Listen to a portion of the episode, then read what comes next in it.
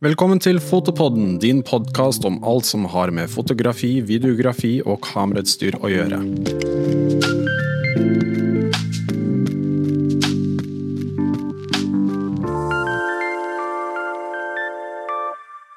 Hei og velkommen til uh, Fotopodden. Dagen i dag er en veldig spesiell dag for oss, for vi hadde en uh, veldig stor uh, Leica-lansering.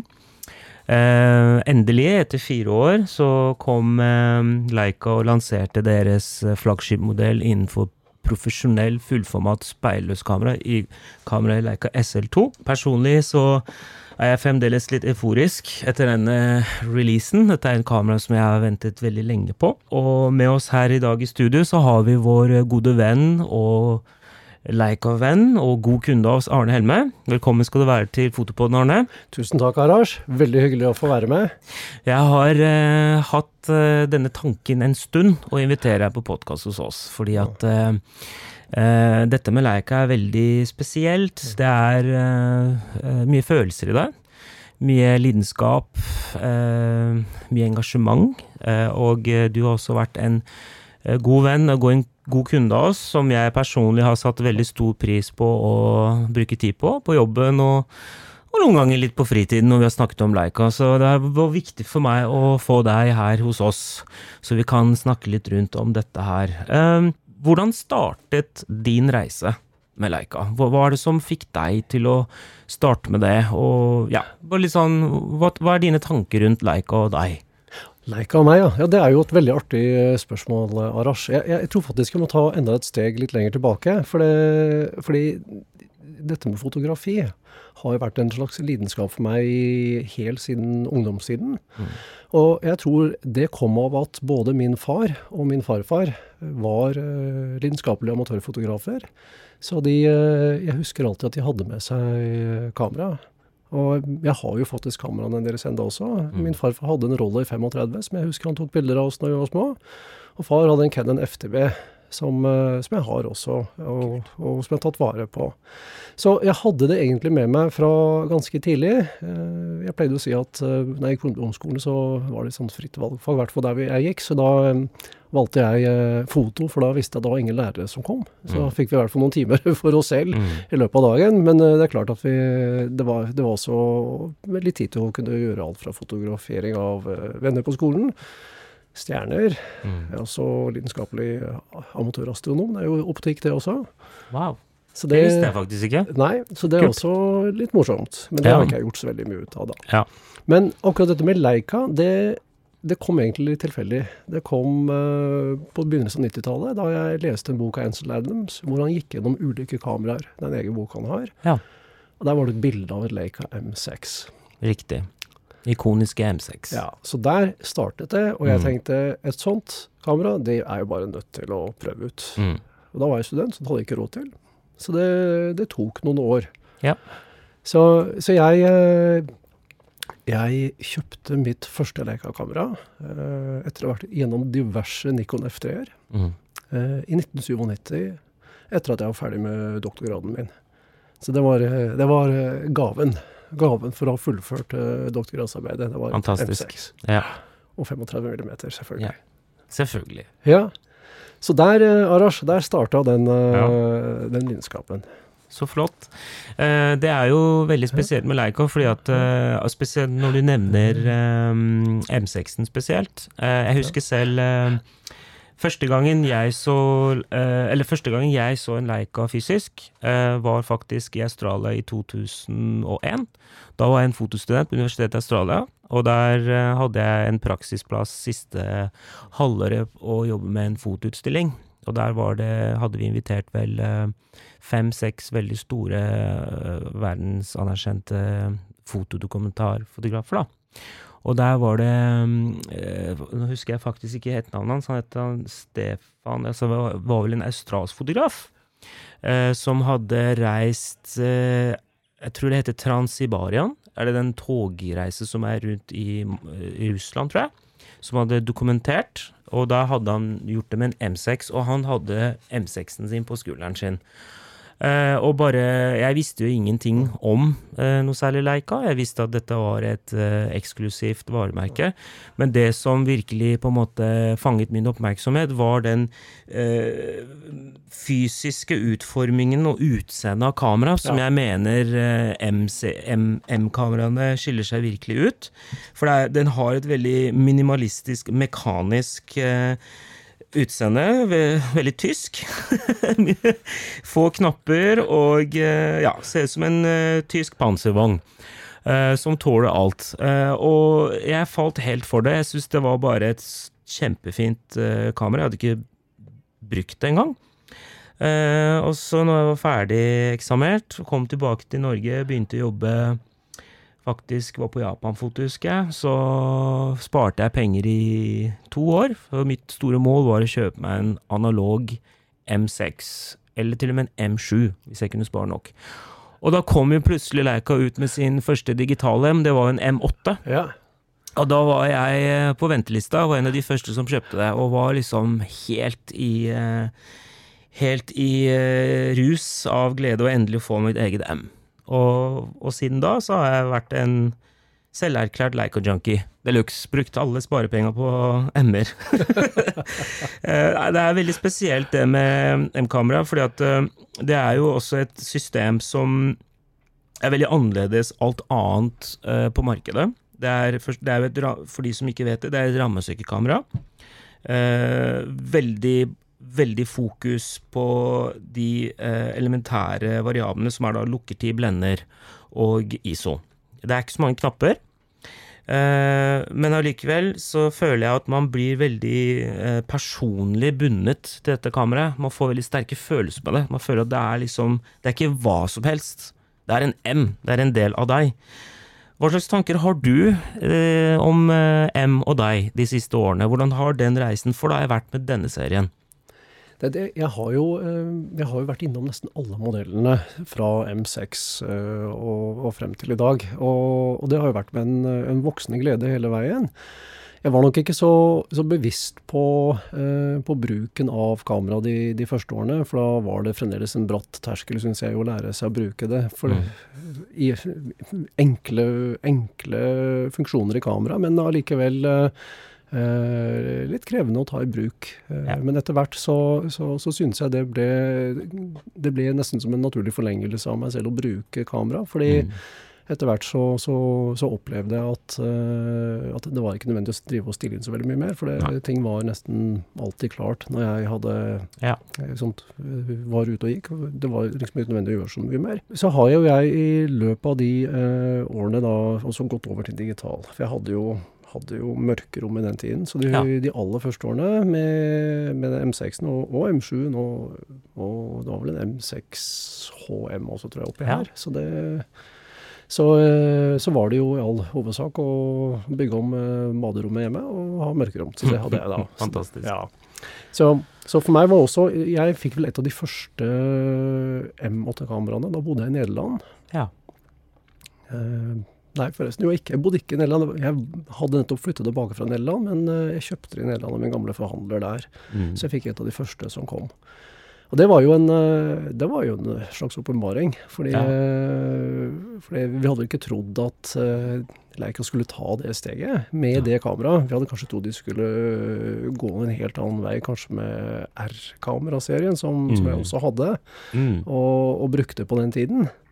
Eh, men, eh, men det var veldig fascinerende å se at de tok et bold move, et Ja. steg, og, og bygde det kameraet. Selv om det la på seg litt i tykkelsen for å Ja. få plass til sensoren, og det var litt kluss med UV-filter eller ikke, og sånn i Ja. starten.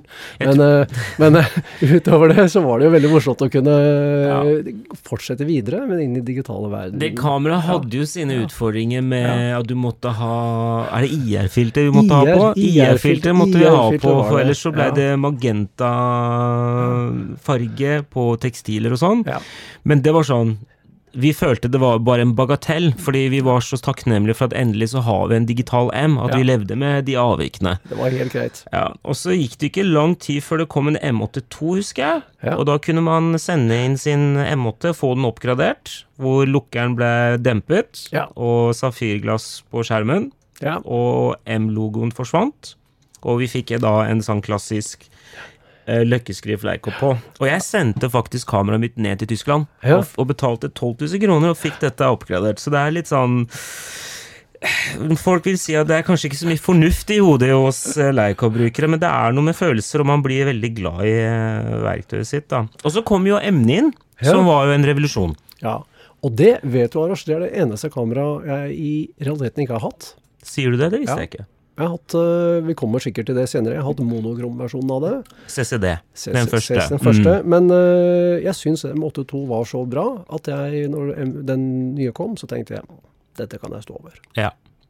Men det er faktisk det eneste i den serien som jeg Ja. ikke har, har brukt. Veldig interessant det du sier, for det er også det kameraet som i år eh, har tiårsjubileum, Ja, og som fremdeles den dag i dag er eh, superpopulært på brukmarkedet. veldig ettertraktet. Og det er ikke mange kameraer fra de japanske gigantene i dag som ti år etter i markedet går fremdeles for nærmere 20 000 kroner på brukmarkedet. Ja. Og det er jo en statement på hva varemerket Leico står for i denne kameraserien, vil jeg si. Men du nevnte monokrom CCD. Ja. Det er jo et veldig interessant kamera som jeg tror veldig mange av våre lyttere ikke har noe kjennskap til. Det var noe veldig unikt med det, for det var første gangen et kameraprodusent eh, produserer og gir ut et kamera i 50 000 kroners klasse, var det? Kanskje underkant av 50 000, som Ja. kun tar bilder i svart-hvitt. Så du har et nisjekamera, og innenfor den nisjen så, Ja. så, så, så lager du enda Ja. eller enda mer nisjekamera. Det, det var litt spesielt. Jeg hadde også den, husker jeg, og jeg eh, vil si til og med den dag i dag at det er et av de aller favorittemnene jeg noensinne har hatt. For det var en helt unik måte å jobbe på. Du kunne kun ta bilder i svart-hvitt. Ja. Eh, og tilbake til uh, gulfilter, oransjefilter, rødfilter og en helt annen måte å jobbe på. Hvordan syns du det var å jobbe med det kameraet? Ja, jeg syns det var helt fantastisk. Og jeg eh, måtte også lete opp i alle de gamle filtrene som jeg hadde liggende fra, Ja. fra tidligere. Så, så det var jo et eh, Det var en ny utfordring. Ja. Det er jo litt det som jeg syns har vært litt spennende med flere av de nyvinningene som Leica har gjort uh, gjennom årene, er jo det at mm. de har jo utfordret oss, uh, oss entusiaster og fotografer til å Ja. ta det i bruk. Bruke det. Ja, også, f- øh, det er jo en helt annen måte å jobbe på. Ja. For du må tenke Du må tenke svart-hvitt. Ja. Eh, Det er lett å bli litt mer lat med farge, og så bare konverterer man. Her er du låst i svart-hvitt, så du går jo ut med en helt annen tilnærming til motivene. Ja. Fordi det er ikke alle bilder som funker i farge, som funker i svart-hvitt. Ja. Så det blir en veldig stilig måte å jobbe på. Uh, og de fulgte jo opp med Det var vel tre-fire år senere, så kom jo M246. Ja. Som også var en interessant kamera. Hadde du den, eller? Ja da. Du hadde den hadde også, ja. den også, jeg. Hva syntes du om den, da, i forhold til forrige? Ja, det er, I etterkant så har jeg jo ingen av de kameraene. Ja. Eh, jeg har brukt de, og så har jeg beveget meg videre. Så, jeg, så um, de var veldig forskjellige. Ja. Eh, Sensorene, sensorene i, i de to seriene med kamera var, for, var veldig annerledes i måten de Ja. responderte til, til, til lys. Så jeg syns kanskje det siste var eh, litt vel overfølsomt i forhold til uh, høylysområdene. Mm. Høylys. Ja, Ja. det kan stemme, det. Så var det en CMOS-brikke på den, Ja, mens det var det var det. Ja. Mm. Det som skjedde, var vel tre, 2016, så lanserte jo uh, Leica Du har den med deg. Uh, MT, det er det modellen du har, er MTP. Det er den her. Her skjedde noe veldig spesielt. Der. For nå, det som skjedde her, er at eh, det veldig mange Leica-brukere har klagde på M8 og eh, M9 og M240 og CCD monokrom, og er at kamerahuset var mye tykkere enn de analoge M-ene. Men nå fikk vi faktisk endelig et digital M som er eksakt like tynn som analog M. Så ergonomien er spot on, sånn som jeg mener en M skal være. Som vi har eh, blitt så glad i. Å jobbe med eh, eh, M nå som en digital M. Og her skjedde det veldig mye, og dette var et kamera som var superpopulært eh, også den dag i dag. Og i ettertid så har det kommet MTP, MTP. som er din kjære eh, Ja. M10P. Og så så kom det kort tid etter at MTP-en kom, så kom jo MTD, Ja. som egentlig er en MTP Ja. med, uten skjerm. Apropos nisjer, det er Det- også litt spesielt, det- Arash. at- Ut, Ja. uten skjerm. Uh, du har liksom en avtrekker, men den kan du ikke bruke som avtrekker. Den er med for tommefingerstøtte. Og nå begynner ting å bli virkelig sært. Hvorfor gjør Leica det her? Hvorfor lages det en digital M uten skjerm? Du kan ikke sjekke bildene dine, du kan ikke ta bilder i OPG, det er bare raw. Ok, du har en elektronisk søker du kan sette på, men du kan fremdeles ikke se bildene dine i søkeren. Nei. Hvorf- Arne, hvorfor gjør Leica det her? Og, og vil at vi skal betale 80 000 kroner for dette her. hvorfor gjør de det? det dette er et vanskelig spørsmål, men samtidig så ber jeg enkelt svar på det. Men jeg ønsker at du skal svare på det Ja, spørsmålet. nei, det, det er jo, eh, jeg, Sånn som jeg ser det, så er det jo Leikas uh, måte å ville bringe noen av eh, sine, sine kunder, eller fotografer, tilbake til det som er uh, altså basisen i M-serien. Ja. Uh, det ved å ta, å ta bildet uten at man altså har behov for å kunne verifisere i sanntid, eller nesten i sanntid, hva som egentlig er uh, blitt tatt bilde av, men at man i, i større grad er fokusert på det på, det, det man, eh, på den situasjonen eller det subjektet man, man fotograferer, og og, i situasjonen Mm. der og da. Og det, og, og det er jo noe Jeg har jo hatt en forgjenger til det kameraet, og det, Mm. og jeg, det var veldig Jeg føltes nesten sånn man blir så vant til å ha skjermer overalt. ikke sant? Ja. Når du sitter og har et, eh, et apparat som ikke har en skjerm lenger, så tenker jeg hva, hva, i all verden er dette for noe? Men, men det, det, det føltes også veldig befriende. Ja. For det, ja, da visste jeg ok, fint. Ja, det, vi, tar det, vi tar et bilde til for sikkerhets skyld. Sant? Sånn som vi gjorde i gamle dager, når vi pleide å ha film og ikke visste. da. Ja, så Det handler om at du går litt tilbake til eh, den unike bruksopplevelsen som er med analog fotografi. Du ser jo ikke hva du får før etter at du er fremkalt. Og det gjør at eh, det, som, det jeg merka når jeg begynte med digital fotografering, er at hver gang jeg tok et bilde, så måtte jeg se på det på skjermen. Ja. Det gjør at jeg brukte nesten like mye tid på å se på bildene jeg har tatt, Ja. rett etter jeg har tatt dem, enn å faktisk bruke den tiden til å fotografere Ja. og fange unike øyeblikk. Nå kan du ikke gjøre det. Nå er du låst til å kun fokusere på fotograferingen. Det i seg selv mener jeg er verdt prislappen. Ja. Fordi det gjør hele bruksopplevelsen med dette instrumentet som verktøy veldig unikt. Men det er ikke alltid like lett å forklare det til folk som ikke kjenner til uh, Leica. De er flinke til å pleie de sære nisjebrukerne, og de våger å produsere uh, kameraer som folk fniser av. Et Men nisje, nisjeprodukt. men vet du hva, jeg skal faktisk si at eh, de særeste kameraene de har gitt ut, monokrom, MTD, det er også noe av det mest populæreste. Men jeg vil litt tilbake til et, et, sånt, bare liksom et punkt til på akkurat det kameraet. For det var, det var én ting jeg fikk i tillegg når jeg brukte det MD-kameraet. Og det var at eh, det var en glede. Den gleden var å vite at nå har jeg vært ute og tatt bilder. Du, nå skal jeg hjem og, nå skal jeg hjem og se på dem. Jeg er spent. Jeg gleder meg. Sitter fokusen? Ja, så sitter der, sant? Ble det bra? Den, Ja. den, eh, det var faktisk et lite savn, noe som jeg, eh, som jeg husker tilbake fra, fra filmtiden. Ja.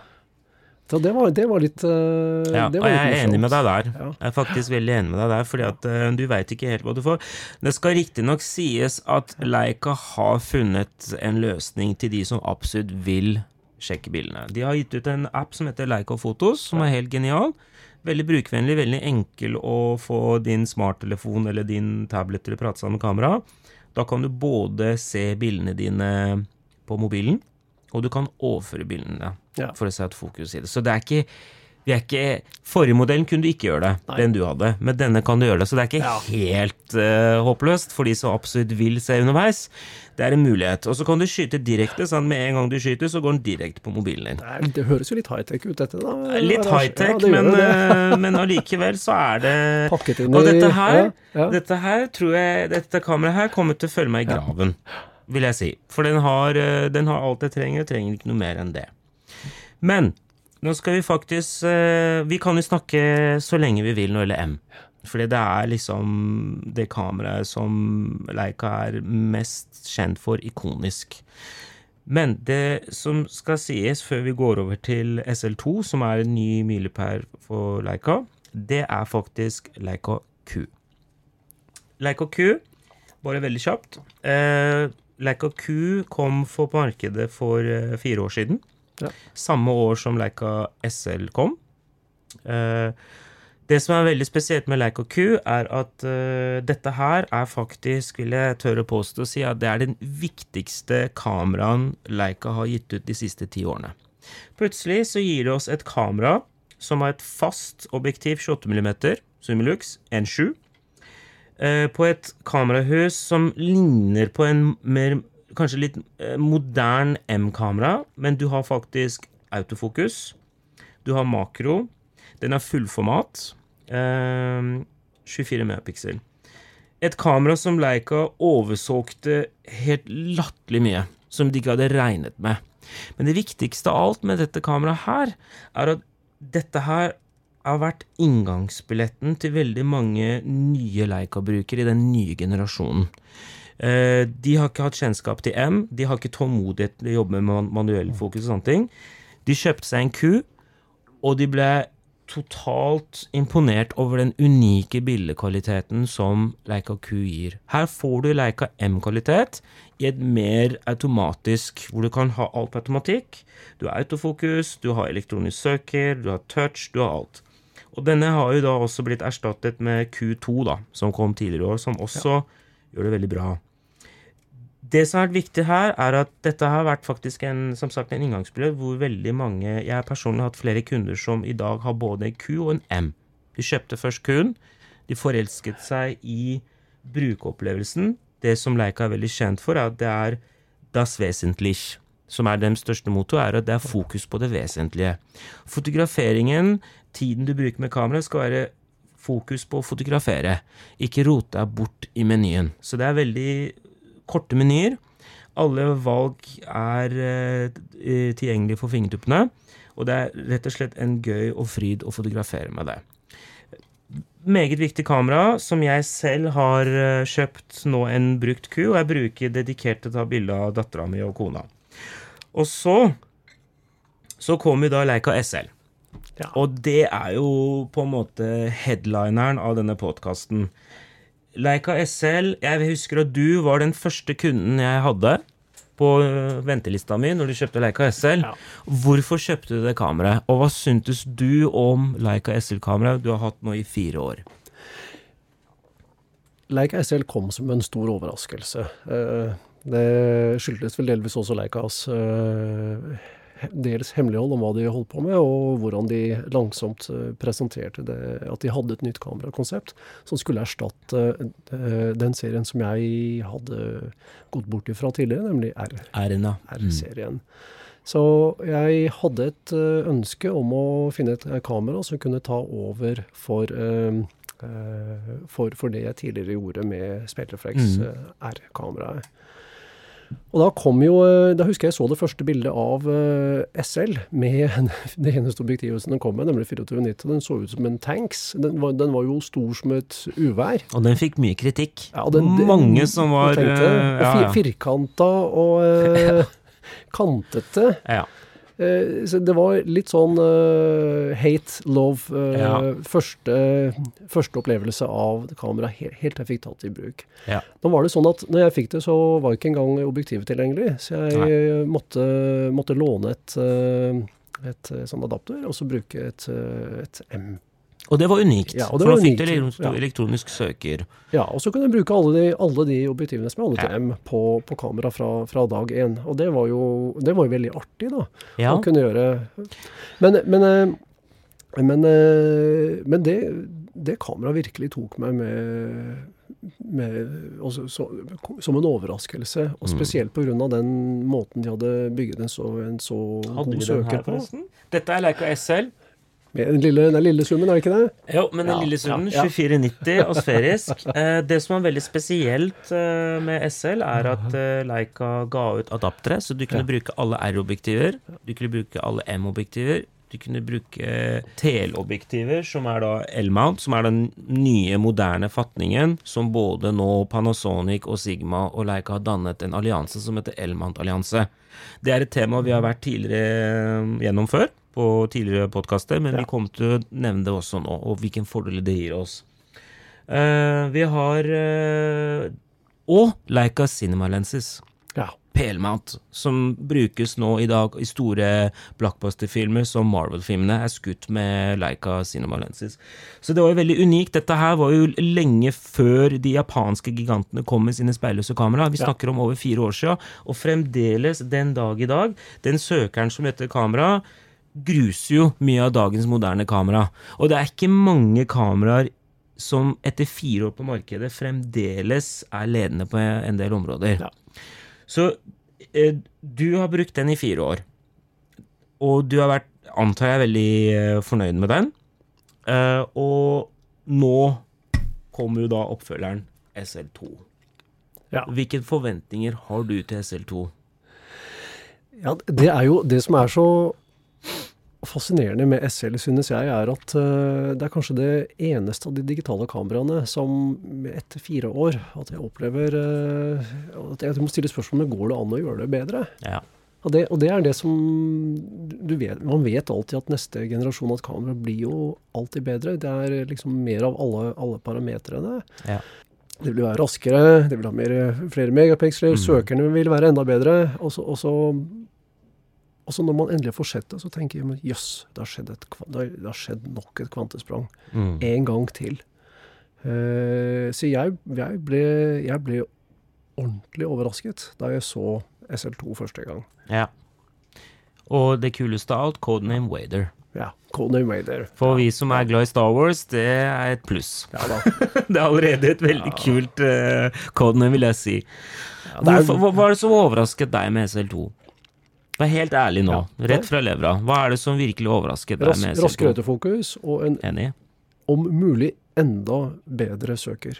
Ja. Det er de to tingene Jeg trodde ikke det var mulig, Ja. men de har faktisk Ja. gjort det igjen. Ja. Og så kommer det jo Nå har jo ikke jeg fått, eh, fått prøvd å se på, på, på, på pikselinnhold, men, men det, er, det er jo dobbelt så mange megapiksler i den nye, nye sensoren, som, eh, som Leica sier skal være helt fantastisk. Det, det, altså, det er jo mye spørsmål om? Når, når er nok nok for, Ja. oss, eh, for oss amatører når det gjelder piksler? Vi sa jo det når 24 Ja, megapixel det kom. kom òg, ikke sant? Så, så, og det er jo hit at vi har vært litt om his historikken, og det er jo en viss glede man fremdeles går tilbake til en måte som vi startet med, Ja. og, og, og titter på de filene og ser wow, det, dette var egentlig veldig bra. Ja. Men, eh, men eh, det, jeg, det jeg tror jeg at i hvert fall for, eh, for eh, en del fotografer vil det gi mer fleksibilitet i forhold til bl.a. å kunne gjøre Ustnett. Yes. eh, kompensere for den zoomen man ikke har. Mm. Eh, og, og selvfølgelig få en detaljkvalitet når man har, når man har for behov for det. Ja. Veldig mange sier at eh, 24 megapixel holder. Og til, og, og, og til veldig mange argumenter så er jeg forholdsvis enig i det. Jeg selv var veldig skeptisk når de skulle gå opp i piksler. Eh, Jeg jobber jo Selv så jobber jeg mye med musikkfoto, da. Ja. Så jeg driver mye med konsertfoto og artistbilder, promobilder og sånne ting. Så til mitt behov så har jeg tenkt 24 megapiksel, det holder mer enn nok. Eh, så lenge et kamera har rask autofokus eh, og treffer fokus under krevende lysforhold, så lenge dynamiske omfangene er bra, så trenger jeg ikke beskjære så veldig mye. Nå har jeg vært så heldig at eh, Espen Howard fra Leica Kamera AG har lånt meg sin SL2. Det er faktisk den vi har her nå. Jeg har skutt to konserter med den, og jeg var litt skeptisk til eh, nærmere 50 megapixel på eh, hvordan det vil gi utslag på støy og ISO. Jeg må ærlig si at nå er jeg helt ærlig, jeg er veldig imponert. Uh, Kameraet har faktisk blitt bedre på støykontroll enn eh, SL. Den har fått bedre dynamisk omfang. Jeg kan faktisk komfortabelt jobbe mellom 3200 og 6400 og pushe filene ganske langt, både på skyggeparti. Og, og det gir meg da fleksibilitet. Til og med noen ganger så kan jeg være litt lat. Jeg kan kanskje til og med droppe telesommen og skyte den på 90 mm på denne 2490 og kroppe litt. Ja. Gi meg beskjæringsmuligheter som gjør at jeg tar meg mindre vekt med meg når jeg er på oppdrag. Men det som jeg likte veldig godt, som ikke kanskje mange vet, er at uh, Leica har jo TL, uh, altså CLTL, som er kroppsensorer. Ja.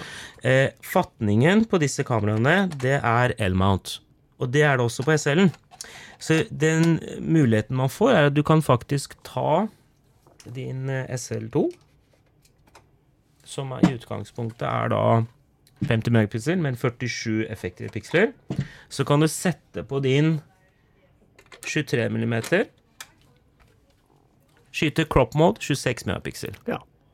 Plutselig så har du nå et kamera du kan ha med deg rundt Sognsvann. Uten å måtte tenke deg om to ganger, for den er for stor og tung. Og det er den muligheten og den eh, fleksibiliteten som eh, stor antall piksler gir deg, er at du kan skyte crop mode, og fremdeles så har du nok piksler Ja. til å levere fantastiske biler. Biler, sier jeg. Filer.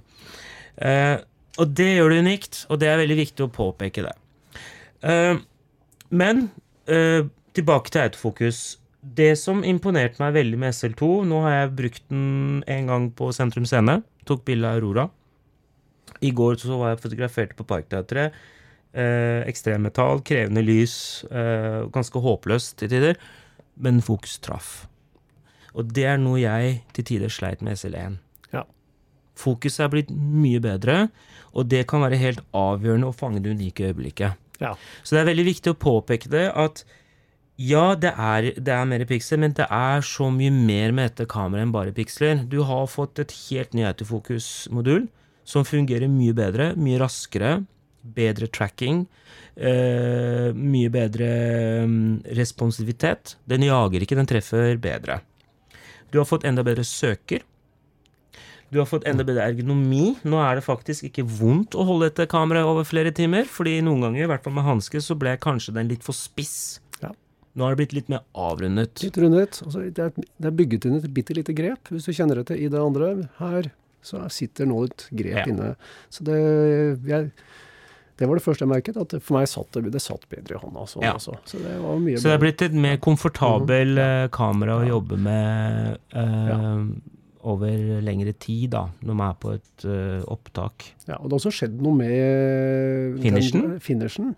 Den, er, den virker også mer eh, altså robust. Det, Ja. det de har brukt til også til For jeg også syns f.eks. SL-en er, var lett utsatt for chipping. Ja. Dette her er jo et uh, aluminiumsblokk som uh, karosseriet på både faktisk uh, telen og SL-en er blitt støpt ut av og frest ut, gjør at uh, kameraet tåler masse og er veldig motstandsdyktig og er et fantastisk bykvalitet som gjør den veldig unik. Eh, men en annen ting som er veldig viktig å påpeke, som veldig mange ikke vet, er at Leica har over tid, eh, nå de siste eh, fire årene gjennom SL, gitt ut en del fastobjektiver. Senest så kom de ut med denne Apo Summicron 35 mm, som Leica hevder å være desidert det skarpeste og beste objektivet noensinne de har produsert, og det er en veldig bold statement for kameraprodusentene i verden med verdens beste optikk. Det som er veldig viktig å påpeke her, er at Leica har lovet oss at oppløsningen i Apo Summicron-serien deres, som er eh, De har nå fire. Det er 35, 50, 75 og 90. Tre til er på vei. Det er 21, 24, 28. Alle de har helt identisk eh, Størrelse. Hva skal vi kalle det for? Ja, Størrelse. Formfaktor. Formfaktor. Ja. Helt lik filterdiameter på alle sammen. Veldig kjekk for videografer. Dette her er det drøyeste objektivserie de noensinne har utviklet. De har garantert oss at det skal støtte fint opp til 200-300 megapixel oppløsningssensorer. Så dette er et objektiv for fremtiden. Og det som er veldig viktig å påpeke, er at denne kombinasjonen her med Apo Summicron-serien, med den oppløsningen du får i SL2, vi snakker om mellomformatkvalitet i en fullformatstørrelse. Og det, og det er jo jeg synes det er et viktig poeng å trekke frem. For eh, de første årene med SL eh, så var jo ikke den serien der. Så dette er jo objektiver som har kommet, og, og, og hvor det, det har vært Jeg har, 90, jeg har 90 mm selv. Ja. Og, og, og det er overraskende hvor stor grad av transparens og oppløselighet det er i de Mm. bildene, selv på 24. Og og med Leikas lovnad om uh, hva disse objektivene skal klare, så, så er det klart at det er det jo en ambisjon også for, for et, et, eh, et selskap som Leika å, å dytte de grensene også i forhold til hva man kan Ja. få ned på en, på en sensor. Kunne detektere av en sensor. Ja. Og det er jo det som er unikt her, er at uh, Leica M-optikk er jo uh, verdenskjent, men de er ikke like proft bygd når det gjelder værbestandighet og slike ting. Det er ikke tilfellet med Apus Omikron. Disse her er uh, laget for uh, proffbruk. De skal tåle masse. De har faktisk ja. kjørt uh, oppvaskmaskintest. Og en, en, det er helt seriøst. Ja. En og en halv time gjorde det med SL med dette objektivet. Ikke noe problem. Og det er en statement at dette er proft verktøy. Leica er ikke For veldig mange så kan Leica ses som et eksklusiv smykkekameraer. Eh, til en viss grad ja, men de er et seriøs aktør, og det er eh, egnet for profesjonelle fotografer. Hva er det du gleder deg mest til når gjelder Leica SL2? Ja, det er jo, det er jo ikke et lett spørsmål å, å, å svare på. Altså jeg, eh, det er jo, dette er jo en evolusjon, dette er en videreutvikling. Ehm, jeg vet eh, Det er selvfølgelig noen refleksjoner etter fire år med SL som, hvor man etter å ha brukt et kamera noen år, tenker hm, kanskje de tingene burde, burde vært gjort litt annerledes, eller vært, eh, vært forbedringer på. Så jeg tror nok min, min, uh, altså min uh, forventning er jo å se hvor mye av det som, som innfris, ja. gjennom, gjennom bl.a. at uh, det er et både robust, men, men effektivt verktøy til å ta bilder med. Ja. ja. For det er jo ja. veldig mange Når SL1 kom på markedet, mm. så var det Det er jo alltid kritiske folk som vil Eh, kritisere, for kameraet er eh, veldig snevert for brukere. Men det skjedde noe veldig stort i fjor eh, på Fotokina 2018. Element-alliansen ble kunngjort. Og det var et øyeblikk som jeg feiret virkelig. Fordi det ble kunngjort at Leica, Panasonic, Sigma går sammen, danner en allianse. Og alle de tre produsentene skal dele på denne Elman-fatningen. Ja. Og det gir byr på store muligheter. Nå er det faktisk mulighet til å kunne Leica kommer aldri til å lage en 400 for sportsfotografene. Det kommer aldri til å skje, det har de sagt. Mm. Men det kommer Sigma til å gjøre. Ja. Så du kan ta deg en SL1, SL2, sette på en Sigma superteleobjektivet, så er sportsfotografene eller de som driver med dyreliv, eh, tilfredsstilt. Du kan kjøpe deg Panasonic Lumix S1, som er eh, SNR, som er altså fantastiske kameraer, og sette på Leica-optikk. Ja. Du kan gjøre det med Sigma. Altså, det gir på muligheter, og det er det ingen andre produsenter i dag som gjør det, bortsett fra de tre. Og det er en veldig spennende tid for oss. I en tid hvor vi var låst til de store japanske gigantene, og du kunne bare sette på Can på Can og Nikon på Nikon, så er ikke det tilfellet mer. Nei, og det, er, det er, var nok en liten game changer i markedet, akkurat det. For, det, for, det, for Hvis det var noe jeg kanskje reflekterte litt over med SL da det kom, var jo at uh, de kom med et kamera med enda en ny mount. Ja.